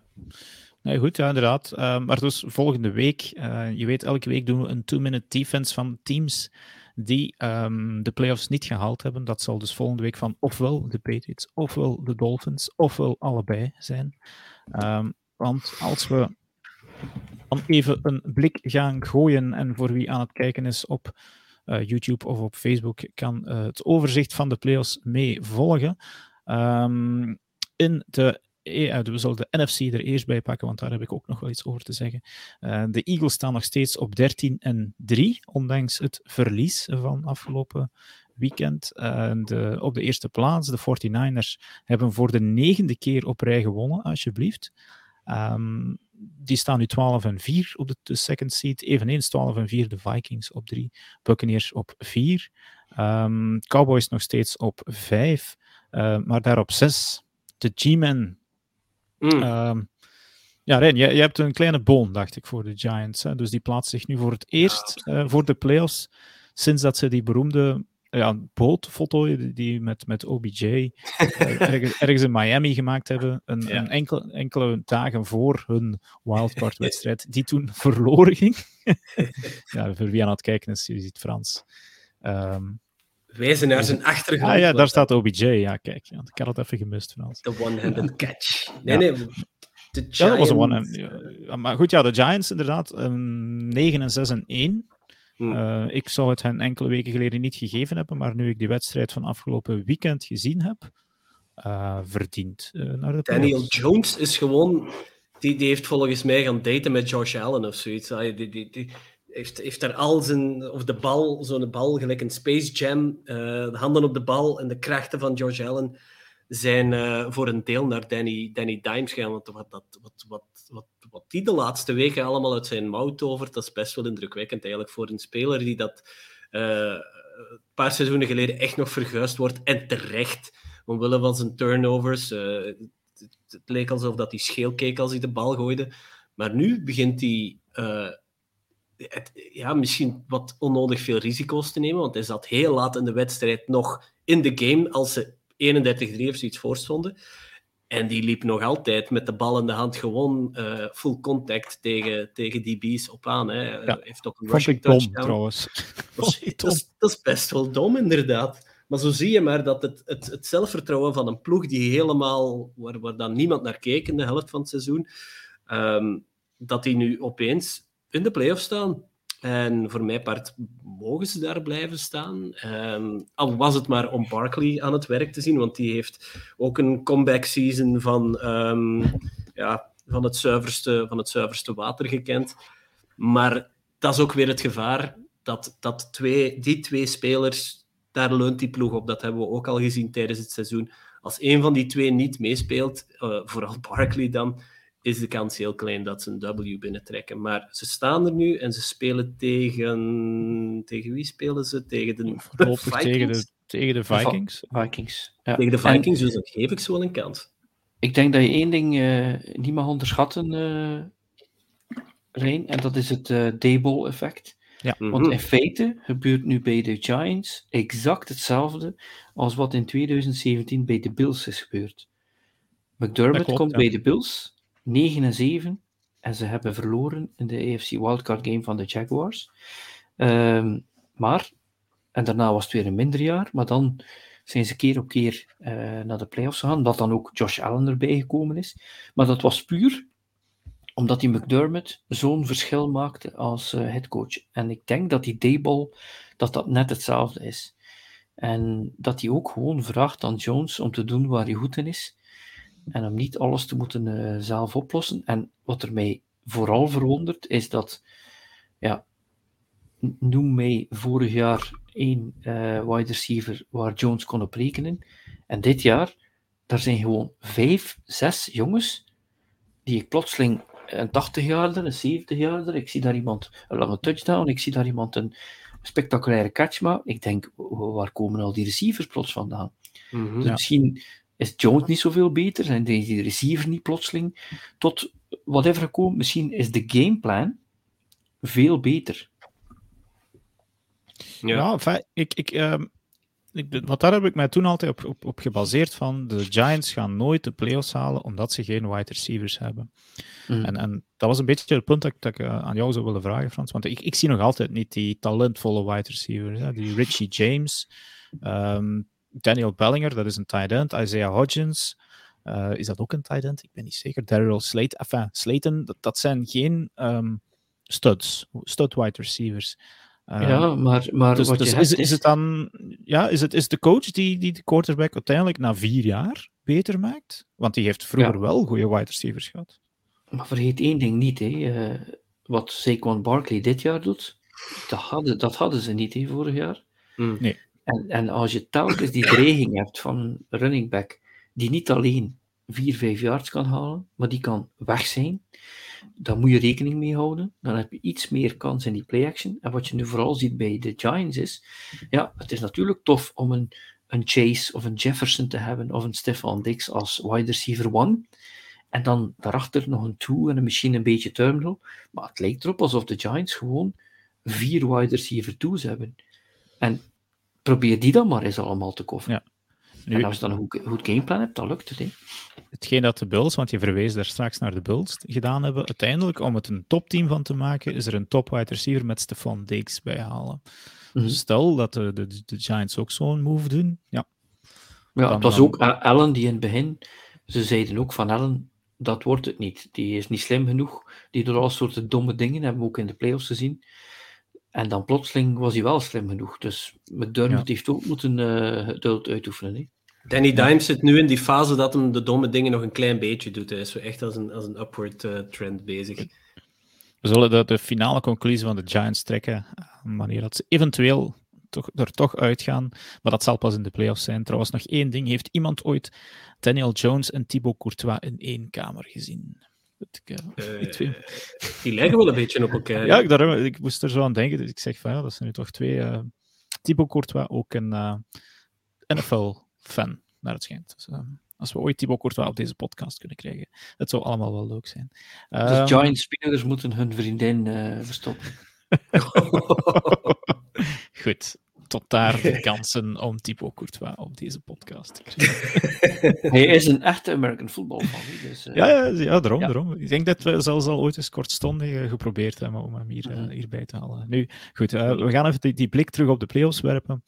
En, en welke plaatjes zijn nog vakant? Dat zijn er ehm, drie, denk ik. Ehm, de, in de AFC is de zevende seed nog niet beslist. Daar kunnen de Patriots dus nog doorgaan. Eh, als zij winnen ehm, tegen de Bills, dan gaan zij door. Komen ze eigenlijk waarschijnlijk terug tegen de Bills uit, maar goed. Ehm, Hmm. Maar daar hebben dus, als de Patriots verliezen, hebben ook de Dolphins en zelfs de Steelers nog kans. Ja, kijk. Ehm, en misschien de heel Jaguars. even. En ja, de en de, Jaguars. de Jaguars, maar dat is een, echt een waterkans. De Jaguars, Ja, dat is die, die maar- tweede. Ja, zeg maar. Jaguars, iedereen zegt waarom hebben de Jaguars ervoor gespeeld? Want eigenlijk moesten ze niet eh, hard spelen om dan uiteindelijk die laatste wedstrijd tegen Tennessee te doen. Nee, daar Ja. ging het over.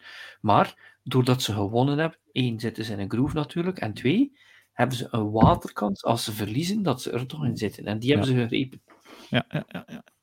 Nee, goed. Ehm, even kijken. Dus ja, de Patriots, Steelers. En misschien nog heel even die Steelers. Toch ook verrassend. Eh, is, dat het Mike Tomlin-effect? Die, die geen verliezend seizoen wil hebben? Eh, Kenny Pickett effect eh, is dat misschien. ja. Ik, de, voilà, dat vind ik dus een, een, een, voorbeeld van, kijk, wat, kom, wat komt een ploeg als de Steelers eigenlijk nog in de playoffs doen? Oké. Ja, maar Zoals wat je, wat, je, wat je zag bij de Steelers, ik heb deze week, want de Steelers moeten oppassen, hè, want ik heb eh, Watson deze week zien spelen en die doet dingen waarvan ik zeg, dat is een franchise quarterback. Hè. Ja, hij begint zijn ritme Dus- terug te dus vinden. Hè, Die begint zijn ritme te vinden, dat is één. Twee, de Baltimore Ravens, die zijn eigenlijk een shitteam eh als, als Lamar niet speelt. Dat, dat, dat beginnen we nu door te hebben, hè, want die Lamar-clone Huntley, dat, dat gaat het hem niet worden. Daar is iets is mis eh, gelopen in die testtube, dat is waar. En die hebben heel veel geluk dat ze daar een paar wedstrijden nipt hebben gewonnen. Want anders stonden de Steelers nog, nog hoger. Hè? Dan, dan konden ze nog, nog hoger eindigen. Dus ja, allee, ik denk dat je dat niet mag onderschatten, oude coaches. Ik kan ervan meespreken. Ja, nee. Peter de Stoop, uh, voor, bekend vorig jaar, Was dat vorig jaar? Zeg maar. Ja, nee, ik zei Peter de Stoop in de reacties zegt van de combinatie van Pickett en Pickens, dus de rookie wide receiver, um, is succesvol gebleken. Uh, ik, ik zou er geen cent voor gegeven hebben, eerlijk gezegd. Een half seizoen geleden voor de playoff kansen van de Steelers. En ik uh, verbaas mij er ook over, want ik heb er eigenlijk niet op gelet hoe dat ze hier eigenlijk nu geraakt zijn. Uh, maar uiteindelijk is het ook zo, vergeet niet dat wat Pickett daar gedaan heeft op het einde, die wedstrijd tegen de Ravens, dat is het soort dingen die je Brady zag doen ook als hij jonger was. Namelijk, je hebt nu nog één drive te gaan, nu moet je het maar bewijzen. Nu, ik heb heel die wedstrijd gedacht dat die Hayward, dat die ging gewoon met pek en veren mogen vertrekken uit, uit uh, Pittsburgh. Want die heeft dus net voor halftime een fout gedaan, een uh, personal foul. En als je dan nu vindt dat dat wel of niet had moeten gecalld worden, het doet er niet toe. Het was weer een laps in, in, uh, in, in, in discipline. Maar dat heeft hen zeven punten gekost. En dat had hen dus de winst kunnen kosten en de playoffs kunnen kosten. En die heeft dat dus twee quarters met zijn billen toe geknepen, gespeeld en op die bank gezeten. Je moet eens de, de camera op hem zien in die laatste drive. Moet die, gaat waarschijnlijk, die gaat waarschijnlijk zijn signing bonus aan Kenny Pickett geven. Pickett! Want, want uh, ja, het, ik, vind wel, ik vind het wel tof eigenlijk dat iemand als Kenny Pickett. Uh, die, dat die zijn upward trend van dit jaar. Ik vind dat heel interessant om te zien. Maar hij, hij maakt goede beslissingen, maar de vraag voilà, is natuurlijk: kijk. is het een beetje zoals J Jones? Met ja, Jones ja. van vorig jaar bij de Patriots. Men dacht ook: oh, daar zit wel iets in. Dat is de betere van de draft, bla bla. Nu begint dat met Pickett ook. Maar het is vooral als je drives afmaakt op het einde van een wedstrijd. Dan, ja, dat is inderdaad iets. En dat is volgens mij Mac Jones op het einde van vorig jaar niet meer zagen doen. Goed. Um, mm-hmm. Als we verder uh, dus die, die playoff picture nog wat bekijken, uh, welk staat ook nog open? Dat is de fourth seed in de AFC. Daar spelen, zoals Frans zei, de Jaguars en de Titans op zaterdagavond reeds um, hun wedstrijd. En dat is ook win and you're in. Voor de Jaguars, zoals Frans ook daarnet zei, hebben ze nog een waterkans bij een verlies. De Titans, als ze verliezen, liggen ze eruit in de, ja, Kojaks. Um, zwart. Uh, in de NFC, ja, bedenk me op mijn ritme te halen, uh, zijn er nog, ook nog, um, is er nog één plaats vakant. Dat is die zevende seed. Daar hebben we het daar straks al over gehad, waar de Seahawks, de Packers en de Lions nog om vechten. Uh, er kan trouwens ook nog heel wat geswitcht worden met first round, uh, first round buys. Daar gaan we nu niet te ver op ingaan. Um, of toch niet te veel. Maar als we nu even, voor wie aan het meekijken is op YouTube of Facebook, kan zien, um, alle EFC-teams en NFC-teams staan er naast elkaar. Um, ja, ik heb het al in onze rundown al weggegeven. Bij de EFC uh, eh, staan zeven first-round QB's. Bij de NFC is er maar eentje. Wie is dat? Ik weet het. Een first round QB, zeg je? Ja, alle, andere alle, alle quarterbacks die momenteel bij de NFC in de playoffs staan, waren mhm. geen first round picks. En dat, daar zit natuurlijk een Tom Brady bij, Dak Prescott. Ja. Um, maar goed, wie is de first round pick? Frans. Daniel Jones? Hurts? Dat is in de, nee, het is, het is, Daniel Jones. Jalen Hurts, second round pick. Brock Purdy, Mr. Irrelevant. Kirk Cousins, fourth round pick. Tom Brady, ja, notware sixth round pick. Uh, Geno Smith, uh, volgens mij ook fourth round of uh, materiaal. Nee, tweede, tweede ronde, ronde tweede ronde, ja, sorry, tot zijn eigen teleurstelling toen. Heeft zelfs een agent ontslagen, denk ik.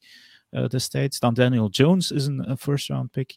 En Dak Prescott een, een derde, denk ik. Kijk, en als daar dan Aaron Rodgers komt tussen te staan. Ja, dat Pas zou... maar op voor die Packers. Hè? Ja, dat is een fringe first round pick, ook tot zijn eigen schande. Maar in de AFC zitten allemaal first round picks, heel wat top 10 picks, uh, twee uh, first overall picks. Uh, dus ja, er zit toch een, en dat lijkt volgens mij al een heel seizoen zo, een kwaliteitsverschil tussen de AFC en de NFC op quarterback-positie. Mm. Um, wat is er ook nog, um, even kijken, hè, spannend. Uh, dat, is, en dat heeft dan niks met um, de, de playoffs meer te maken. Uh, maar de first round Um, ja, nee, de first overall pick, ja, waar ik het daarnet over had, die is ook nog vakant. Dat gaat nog tussen twee teams, tussen de Bears. En voor wie aan het kijken is, ik heb een leuke slide gevonden. De Bears hebben een nine-game losing streak. En dat is de langste losing streak in hun hele franchise history. En ze bestaan al 102 jaar. Die mascotte, is dat effectief de Bears mascotte? um, oh. een kop, jong. Het is een, uh, een, toch een beer die gisteren veel pintjes gedronken heeft, als je hem zo ziet. Of, nou, maar goed. Of die het effectief leest, die zin. De Bears 9-game losing streak is their longest. Maar het is, het is altijd beter dan uh, de mascotte van de Commanders. Ja, waarover later meer, Frans. Wacht. Oh, oh nee. Uh, nee, uh, dus, dus, ja, de Bears, als zij verliezen, en dat uh, ja, het zou wel eens kunnen dat ze gaan verliezen, maar de, de, de, de, de Texans, als zij verliezen, dan mag het, maakt het zelfs niet uit wat de Bears doen, maar dan hebben de Bears de first overall pick. Dus die wedstrijden, die maken echt ook nog wel degelijk uh, belang uit nu zondag. De Bears uh, moeten uh, thuis spelen tegen de Vikings. De Vikings die ook nog wel iets voor te spelen hebben, want die hun seed kan nog veranderen. en de Texans spelen tegen de Colts. en dat is een wedstrijd waar eigenlijk niks meer van afhangt buiten de eer. Dus ja, kijk, um, het, het zou zomaar kunnen dat de Bears de first overall pick hebben na volgende week. Um, mm. Dan, inderdaad, en de laatste talking point dat ik nog, nog wil hebben. Um, de Washington Commanders, en ik vind het nog altijd een shitnaam, uh, hebben een nieuwe mascotte gekozen. En ook weer voor wie aan het kijken is, en ik uh, blijf het dus zeggen, het is soms de moeite, heb ik de foto erbij gehaald van, en hoe heet die, um, die mascotte? Rijn? Major Duddy. Major Tuddy. Uh, Frans, het, is een, het is een ex-militair. ja, maar, of, of een huidig, huidig militair. Ken, ken, je het verhaal, Frans, waarom dat ze een varken gekozen hebben? Want het is een varken met Natuurlijk. De ja, ja, ik wist het niet, maar jij je hebt het nog meegemaakt. Uh... Ja, er was een offensive line en dat, die leken allemaal een beetje op die, dit varken hier. en uh, die noemden dus- zichzelf ook uh, de Hawks en dan mensen kwamen dan naar de in de tijd Washington Redskins uh, wedstrijden met uh, varkensneuzen op en zo. En, uh, ja, ja. Maar het is welk, van welke periode dateert dat? jaren 80, eind jaren 80. Eind jaren 80 en 90 inderdaad. Ze hebben toen drie Super Bowls gewonnen. Mm -hmm. um, met drie verschillende quarterbacks. Echt? Okay. Ja, dezelfde, dezelfde coach, Joe Gibbs. En die is Super Bowl gewonnen met ehm, ik weet niet wie de derde, ik ben nu aan de derde aan het denken heeft al zijn Super Bowl gewonnen met Mark Ripien. En dat is de oom van die Ripien die nu ook speelt. Brad Ripien. Uh, Brad Ripien. Hij heeft de Super Bowl gewonnen met de eerste zwarte quarterback. Uh, uh, kan hier niet op zijn naam komen. Ja, ik, ik, ik, weet, ik was er niet bij. Dus, Ja, maar drie verschillende quarterbacks. Ja. Ja. Nee. Maar het is dus echt wel, uh, wat er met die franchise allemaal aan de hand is. Het stadion valt. Uh, wacht, kijk, hier. Fransie wordt geholpen door Early ja. van den Abelen. Joe Theisman is het dan? Brad Ripien en Joe ja, William. Theisman. Die, die, enfin, dus zijn namen die, die zeggen mij uit het verre verleden wel iets. Maar, uh... Die heeft zijn been uh, gebroken. Dat had een open beenbreuk. Denk ja, daar ken ik die van. Daar ken ik die van. Ja. Van, uh, van, vanuit de Simpsons, hè, Ja, het, zal daarvan zijn, inderdaad. uh, goed, uh, dat waren zo wat onze talking points van deze week. Er, er, valt nog genoeg te vertellen, maar door het, door het Hamlin nieuws hebben we toch allemaal maar een beetje moeten, moeten, moeten, moeten inkroppen. Wat we zeker elke week nog doen, ehm, is een, een two-minute defense doen. Uh, wat is de two-minute defense? Daar gaan we kort voor het laatst dit jaar spreken uh, over, een, um, over een team dat uitgeschakeld is deze week in, in de playoffs. Um, en dat mag twee minuten zijn om te doen met het offense, te doen met het defense. Je moet proberen positief te zijn over dat team. Um, en het eerste team dat uh, uitgeschakeld is geweest door de handen van, van, van Tom Brady en de Buccaneers zijn de Carolina Panthers. Um, ja, ik weet niet, wil er iemand van jullie, um, desnoods doe ik het, proberen de Panthers te verdedigen? Ik, uh, ik, ik, zou het wel kunnen, maar... Uh... Ik... Jij niet, Rijn. Frans? Uh, tja. Wacht, ik zal, kijk, ik zal kijk, beginnen met ja. de Panthers. Uh, ik zal al zeggen, de volgende uh, zijn de Saints. Uh, dat, dat mag iemand al over nadenken. Dat is um, Frans. in ieder geval, ik uh, ga beginnen. Ik heb er ook een klokje bij gehaald, omdat het uh, anders wat zou uitlopen. Uh, en ik ga proberen nu in twee minuten tijd de Panthers te verdedigen. Dit jaar wel een team gaat worden. De Carolina Panthers hebben een, een, een, heel groot voordeel. Dat is dat zij al zeker weten wie hun quarterback niet zal zijn. Het zal zeker niet Baker Mayfield zijn. Het zal zeker niet die rookie zijn die ze ook hebben. Het zou zomaar eens Sam Darnold kunnen zijn, die in de laatste weken van dit jaar toch wel liet zien dat hij misschien wel die uh, first overall uh, of die, die first round pick wel waard zou kunnen zijn. Wat is ook nog positief voor de Carolina Panthers en je moet het allemaal met een korrel zout nemen, is dat ze een sterke defense hebben. Die defense hebben ze over enkele jaren eigenlijk bij elkaar gedraft, toen nog onder Matt Rule.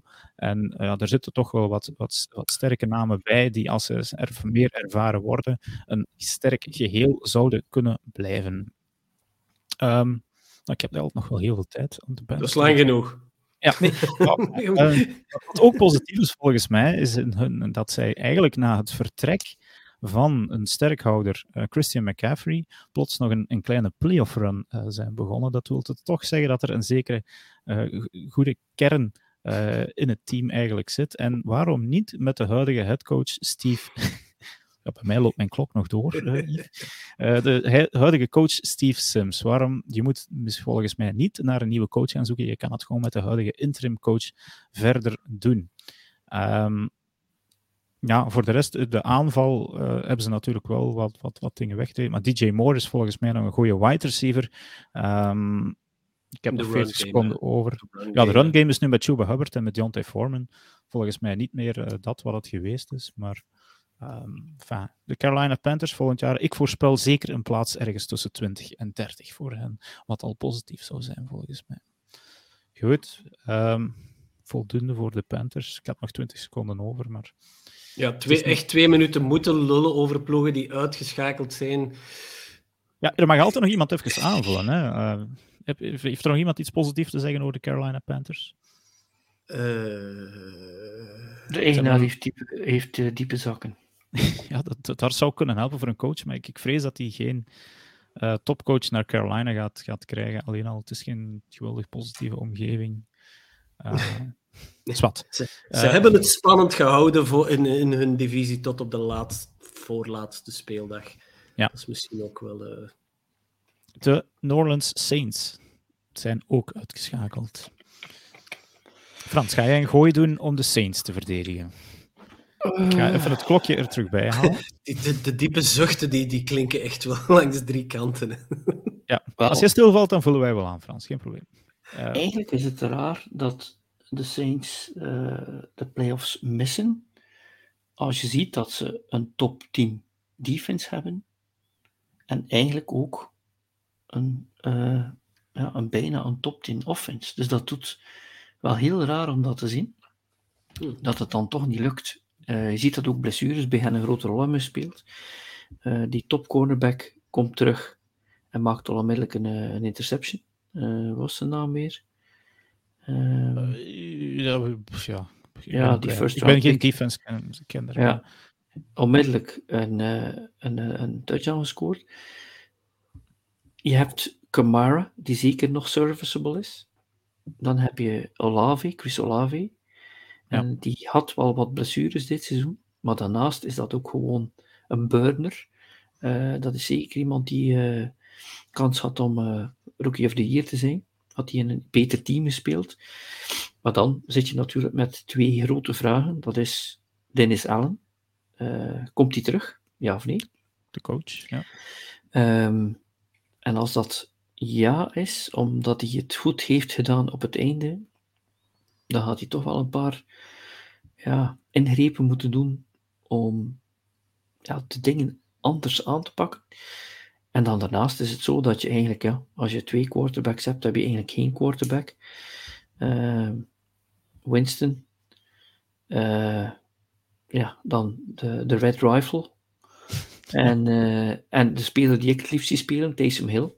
Mm -hmm. die had ik eigenlijk wel graag eens in een seizoen spelen als quarterback. Dus de vraag is, wie wordt daar de quarterback? En dat zal waarschijnlijk het grootste vraagstuk zijn die ze moeten oplossen in het tussenseizoen. En dan ja. maken ze wel een kans om zeker de playoffs te halen. Zeker als je top 10 offense, top 10 defense hebt. Ja, voilà. Met twee seconden over. Een mooie two-minute defense van Frans van de Saints. Uh, die samen met de Panthers natuurlijk in de NFC South zit. En dan moest daar Tom Brady volgend jaar vertrekken. Dan ligt dat spel misschien wel wide open. Uh, ik wil de Commanders wel eens doen. Ik ja, ik weet niet welke dat de, de volgende is. Uh, het zijn de Jets. Wacht, ik zal, ik zal, de Jets voor mijn rekening nemen. Um, het, het 2-1. We gaan van start. Het valt mij op dat al die teams die we hier moeten verdedigen eigenlijk één groot probleem hebben. En dus dat is dat ze dit seizoen allemaal geswitcht hebben van quarterback. Uh, ook bij de Jets is het een carousel geweest. Begonnen het seizoen met uh, Joe Flacco, dan overgeschakeld op Milf Hunter, Zach Wilson, om uiteindelijk nu te eindigen met Mike White. Ligt daar de toekomst? Nee, ik denk het niet dat een van die drie heren nog een toekomst heeft in Ehm, in New York. Wie denk ik wel dat het zal worden? En de laatste weken zijn daar wat kansen gekomen. Ik zie perfecte opportuniteiten voor een Derek Carr. Ik zie perfecte opportuniteiten voor een Jimmy Garoppolo om van dit team echt wel een playoff team te maken. Dat heeft met een aantal zaken te maken. Eén, de offensive rookie van the year zou wel eens Garrett Wilson kunnen worden. Als het Brock Purdy niet is. Want daarmee hebben ze dus eigenlijk de beste wide receiver van de draft um, genomen na die Chris Olave die Frans daarnet. Um, en ik ben mijn klokje vergeten toe te voegen. Voilà, ik heb nog een minuut. Um, dus ik denk dat de Jets zeker wel een stevig team hebben. Ze hebben wat pech gehad met blessures op hun O-line dit jaar, waardoor Zach Wilson uh, veel minder tijd kreeg om te werpen. Maar wat een grote sterkte is natuurlijk, is een defense. Uh, geleid door wie waarschijnlijk dan, ze gaan twee awards winnen volgens mij, offensive en defensive rookie of the year met Sauce Garner. Um, nu al volgens mij een all-pro uh, cornerback. Um, ook nog gezegd, ja, ze hebben goed gedraft. Ze hebben nog wat draftpicks over. Enkel het, hetgeen dat nog ontbreekt is een soort uh, quarterback zoals dat ze in San Francisco enkele jaren gehad hebben, die een goed team gewoon wat moet kunnen managen uh, naar de playoffs. Helaas is Zach Wilson, lijkt het erop dat hij een van de slechtste uh, first round rookies quarterbacks is van de laatste jaren en met Jamarcus Russell vergeleken wordt. Um, dus een nieuwe QB en alles komt goed. En daarmee is het toe met de defense van de Jets erop. Heb je dat uitgeschreven, Dirk? Want je, je, nee, je spreekt ineens anders als jij begon. Ah ja, nee, het is het volledig op mijn duim mooi. gezogen. Mooi, um, mooi, ehm, mooi. De volgende zijn wel degelijk de Commanders, Rijn. Oké. Okay. Uh, jij zegt dat jij die wel eens wil uh, voor jouw rekening nemen. Ik wil die eerste grond inboren voordat ik de positieve aspecten ervan wil. Uh, dat is niet echt volgens de regels van de two-minute defense, maar het mag van mij. Goed. Ga er maar mee van start. Twee minuten. Oké, okay, voilà. Ik ga ehm, eerst de grond inboren voordat ik de positieve punten ga aanhalen. Um, uh, de coach wist niet dat ze geëlimineerd konden zijn tijdens hun persconferentie, waar ik heel veel vragen bij stel van hoe weet je dat in godsnaam niet. Ze hebben net de meest uh, bizarre uh, mascotte aller tijden gemaakt, volgens mij. Hoe kom je er in godsnaam op om die Major Tuddy te, te heten dan. Uh, ze willen misschien grappig doen naar, uh, naar Gronk's benamingen voor touchdowns. Dat stadion valt uiteen. Uh, op dat veld zijn al verschillende knieën en ACL's de verdoemenis ingegaan. Verdedigen. voilà, dat moest er even uit. Um, oh, en dan heb ik zelfs nog niet Carson Wentz aangehaald. Maar Taylor Heineke, um, toch wel een van de verrassingen van vorig jaar, ook een beetje van dit jaar. Een uh, quarterback, wat mij betreft, iemand met niet zo'n hoog plafond, maar wel uh, serviceable, zoals het woord hier al een paar keren is, uh, is gevallen. Je kan op hem rekenen om hier en daar wel eens een, een, een, gekke run te doen. Af en toe wel eens een diepe bal te gooien, maar je ziet dat ze die speler in de ploeg graag hebben. Wat dat niet bij Carson Wentz het geval is, heb ik zo het gevoel. Want dat heeft hij afgelopen weekend nog eens bewezen, waarom dat hij mocht starten, geen idee eigenlijk. Dan um, de, comeback, het, um, de comeback van het jaar voor mij toch Brian Robinson Jr., die running back, die uh, nog voor het seizoen uh, helemaal goed en wel begonnen was, een, twee kogels in zijn lichaam kreeg, in zijn been, en dan terugkwam en zomaar eventjes nu al 800 57 scrimmage yards op zijn teller heeft staan. Het, je, je kan het zo, zo, zo gek niet schrijven in Hollywood. er kan volgens mij een film van gemaakt worden. je hebt Johan Dodson als receiver die je ook al schitterende dingen hebt zien doen, wat mij betreft. En dat was dan met Taylor Heineke dan vooral. Um... Het is genoeg, Rijn, het is genoeg. Oké. Okay. Goed. Dan heb ik het nog niet over Terry McLaurin gehad. Scary Terry. Oh, nogthans een van de favorieten van Frans. Um, de laatste. het zijn vijf two-minute defenses deze week. Uh, team dat uitgeschakeld is, ook voor de playoffs. Dus al die teams hadden tot voor deze week nog kans om in de playoffs te blijven. Uh, zijn de Raiders. Ik heb die. Davante Adams, punt. ik heb die redelijk gefileerd. Uh, ik, ik zou voor de Raiders, ik ga er geen twee minuten aan spenderen, een, een mooi stukje geschreven vorige week, oh, Dirk Stakes. Je gaat naar onze website afcbelgium.com en je zal zien waarom ik hen volledig de grond inboor. En ik gun het hen dus eigenlijk ook niet om ze nog twee minuten te verdedigen. dat ze maar... Het zijn de regels van het spel niet, hè, Dirk?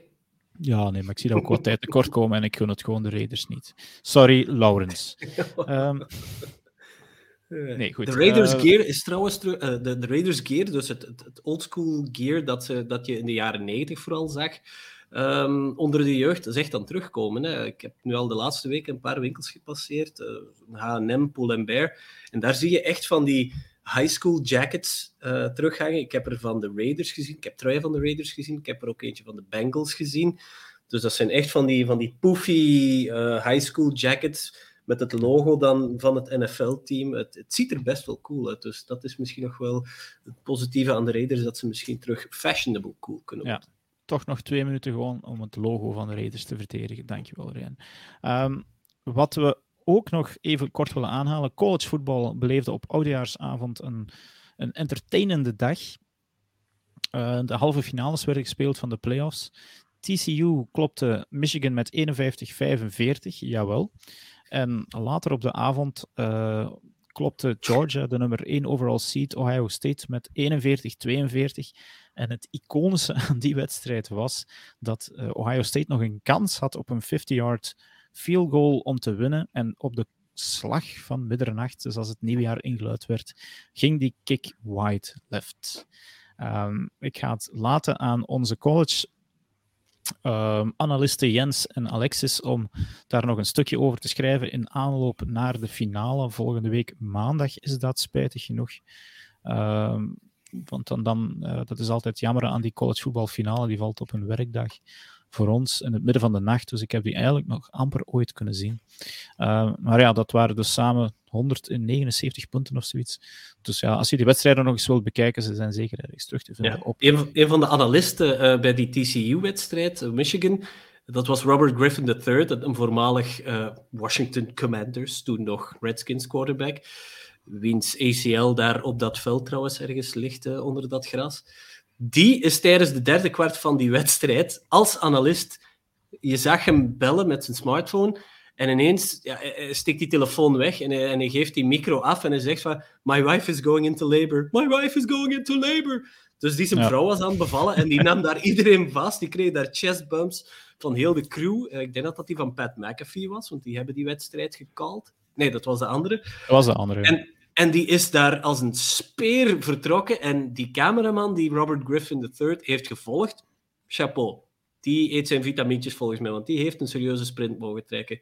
Dat was uh, uit de uh, eh, TCU Michigan game. Dus dat is een, ook een leuke YouTube voor misschien te kijken. Als je ja, oh, die andere wedstrijd, uh, Ohio State had moeten winnen hè, in die laatste drive. coaching mistakes, kon je daar coaching mistake, uh, niet goed je time-outs gebruiken, de play calling, gewoon, ik, ik, ik zei het in de Slack, uh, de gewoon een uh, fake run left en dan een rollout van de quarterback rechts is toch atletisch, dan had je misschien 15 yards meegehaald en had je een kans gehad om die laatste field goal te maken. Dus ik denk dat die coach wel een mea culpa mag slaan. Dat is dan een zeer goed verdienende coach. Uh, college coaches verdienen soms beter dan NFL-coaches. Goed. Ja. Um, nog even betting ook. Frans, had je het gezien? Ik was 4-0. Ik wist niet waar ik het had. Don't call this a comeback. I've been here for years. ja, dat ben ik nog niet. Ik heb nog steeds drie wedstrijden nodig om boven uh, eh, 500 te geraken. Dus ik ga er nog eens proberen drie of vier te zetten. Uh, wat was jouw record deze week, Frans? Uh, ik had er vijf gedaan. Ja. Ik had eigenlijk wel een goede kans om ze alle vijf juist te hebben. Maar bij Parlays is er iets misgegaan. En ik zit nu nog te wachten op Bengals Bills, want dat stond uh, met een parlay Seattle gewonnen, Pittsburgh winnen en Bengals winnen. 9 tegen 1. Dus uh, dit telt maar, als, dat telt maar als 1 in de bettingtips, maar dit telt wel als een serieuze om, uh, om mijn bankroll te spekken. Dat wel, ja. Nee, goed. dus we gaan deze week nog eenmaal voor het reguliere seizoen nog wat bettingtips te volgen. En dat, zoals ik kon horen, dus waren we goed bezig deze week. Dus ik hoop dat we mhm. dat kunnen verder zetten. Maar nu ben ik 2, 2 en vraagteken. 2, 2 en vraagteken, oké. Okay. Uh, wat fantasy betreft, ja, dat, daar is het nog koffie te kijken wat er gaat gebeuren met die wedstrijd tussen Bengals en Bills. Er zijn nog heel veel finales die daarvan afhangen. Ja. Um, ik zat zelf in twee finales, die zijn alle twee nog niet beslist omwille van die wedstrijd. Mm -hmm. Uh, ik, ja, ik zag net bijvoorbeeld op Sleeper wel dat uh, um, Gerrit-Jan postte dat, dat uh, voorlopig gingen de scores zoals Bengals-Bills weergeven as is in afwachting wat de NFL gaat beslissen. En ik denk dat dat vooral in afwachting wat de NFL gaat beslissen wijs is. Wacht er nog maar even mee, er zijn even andere belangrijke dingen. Um, en dat geldt dus ook voor de AFCB-leagues. dus ja, ik denk dat we daar nog eventjes moeten, moeten wachten. Uh, winners en losers. Er zijn er wel nog een paar van deze week. Rijn, heb jij een winnaar? Winnaar? Of ja, we um, beginnen met een loser dan misschien? Of, ja, we zullen beginnen met de losers. Ja, pak, pak, pak eerst de loser. Losers zijn voor mij de groep van mensen die uh, bij het horen van het nieuws van, um, van de safety van de Bills, dat hij dat die een hartaanval kreeg, om daar, daar direct hun eigen antivax-theorieën tegen aan te gooien, dat is zeer... Dat is, dat is gewoon niet op zijn plaats.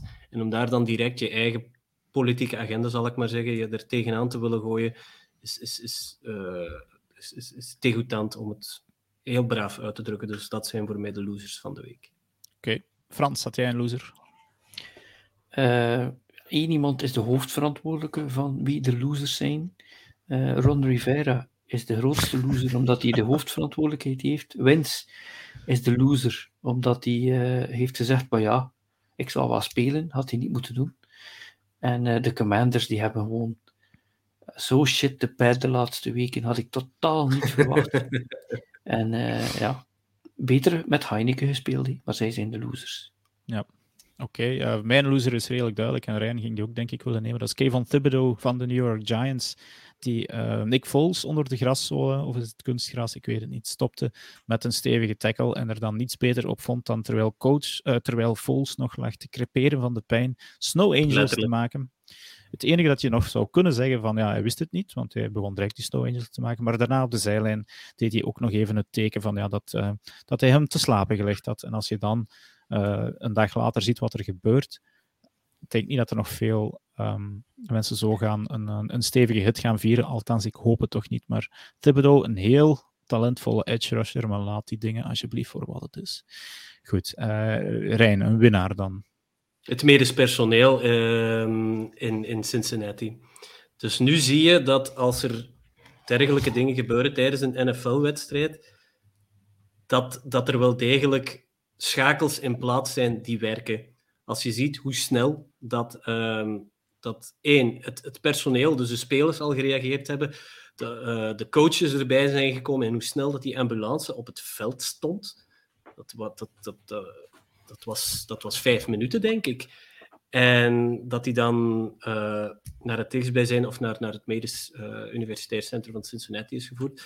Zo zie je van in een sport waar het risico zo groot is op blessures, maar waar in geval van levensgevaar, zoals nu met Hamlin, zo zie je maar dat het werkt. En wat mij betreft, de, de, het medisch personeel dat ervoor heeft gezorgd dat Hamlin ASAP uh, eerste zorg kreeg. Ja, zo zie je maar steeds een medisch personeel aanwezig tijdens voetbalwedstrijden. Ook hier in België is het al eens een punt geweest. Uh, Frans, een winnaar.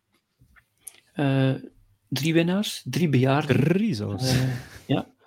Andy Dalton, 18 van 22 en gewonnen met de Saints. Spijtig genoeg geen playoffs. Rodgers, die wint en, en nog een kans heeft op de playoffs. En Brady natuurlijk, die wint en in de playoffs zit. Dus drie bejaarden die... Uh, het, is, het is eigenlijk van bejaard tot hoogbejaard, die mijn winnaars, die mijn winnaars zijn. Oké.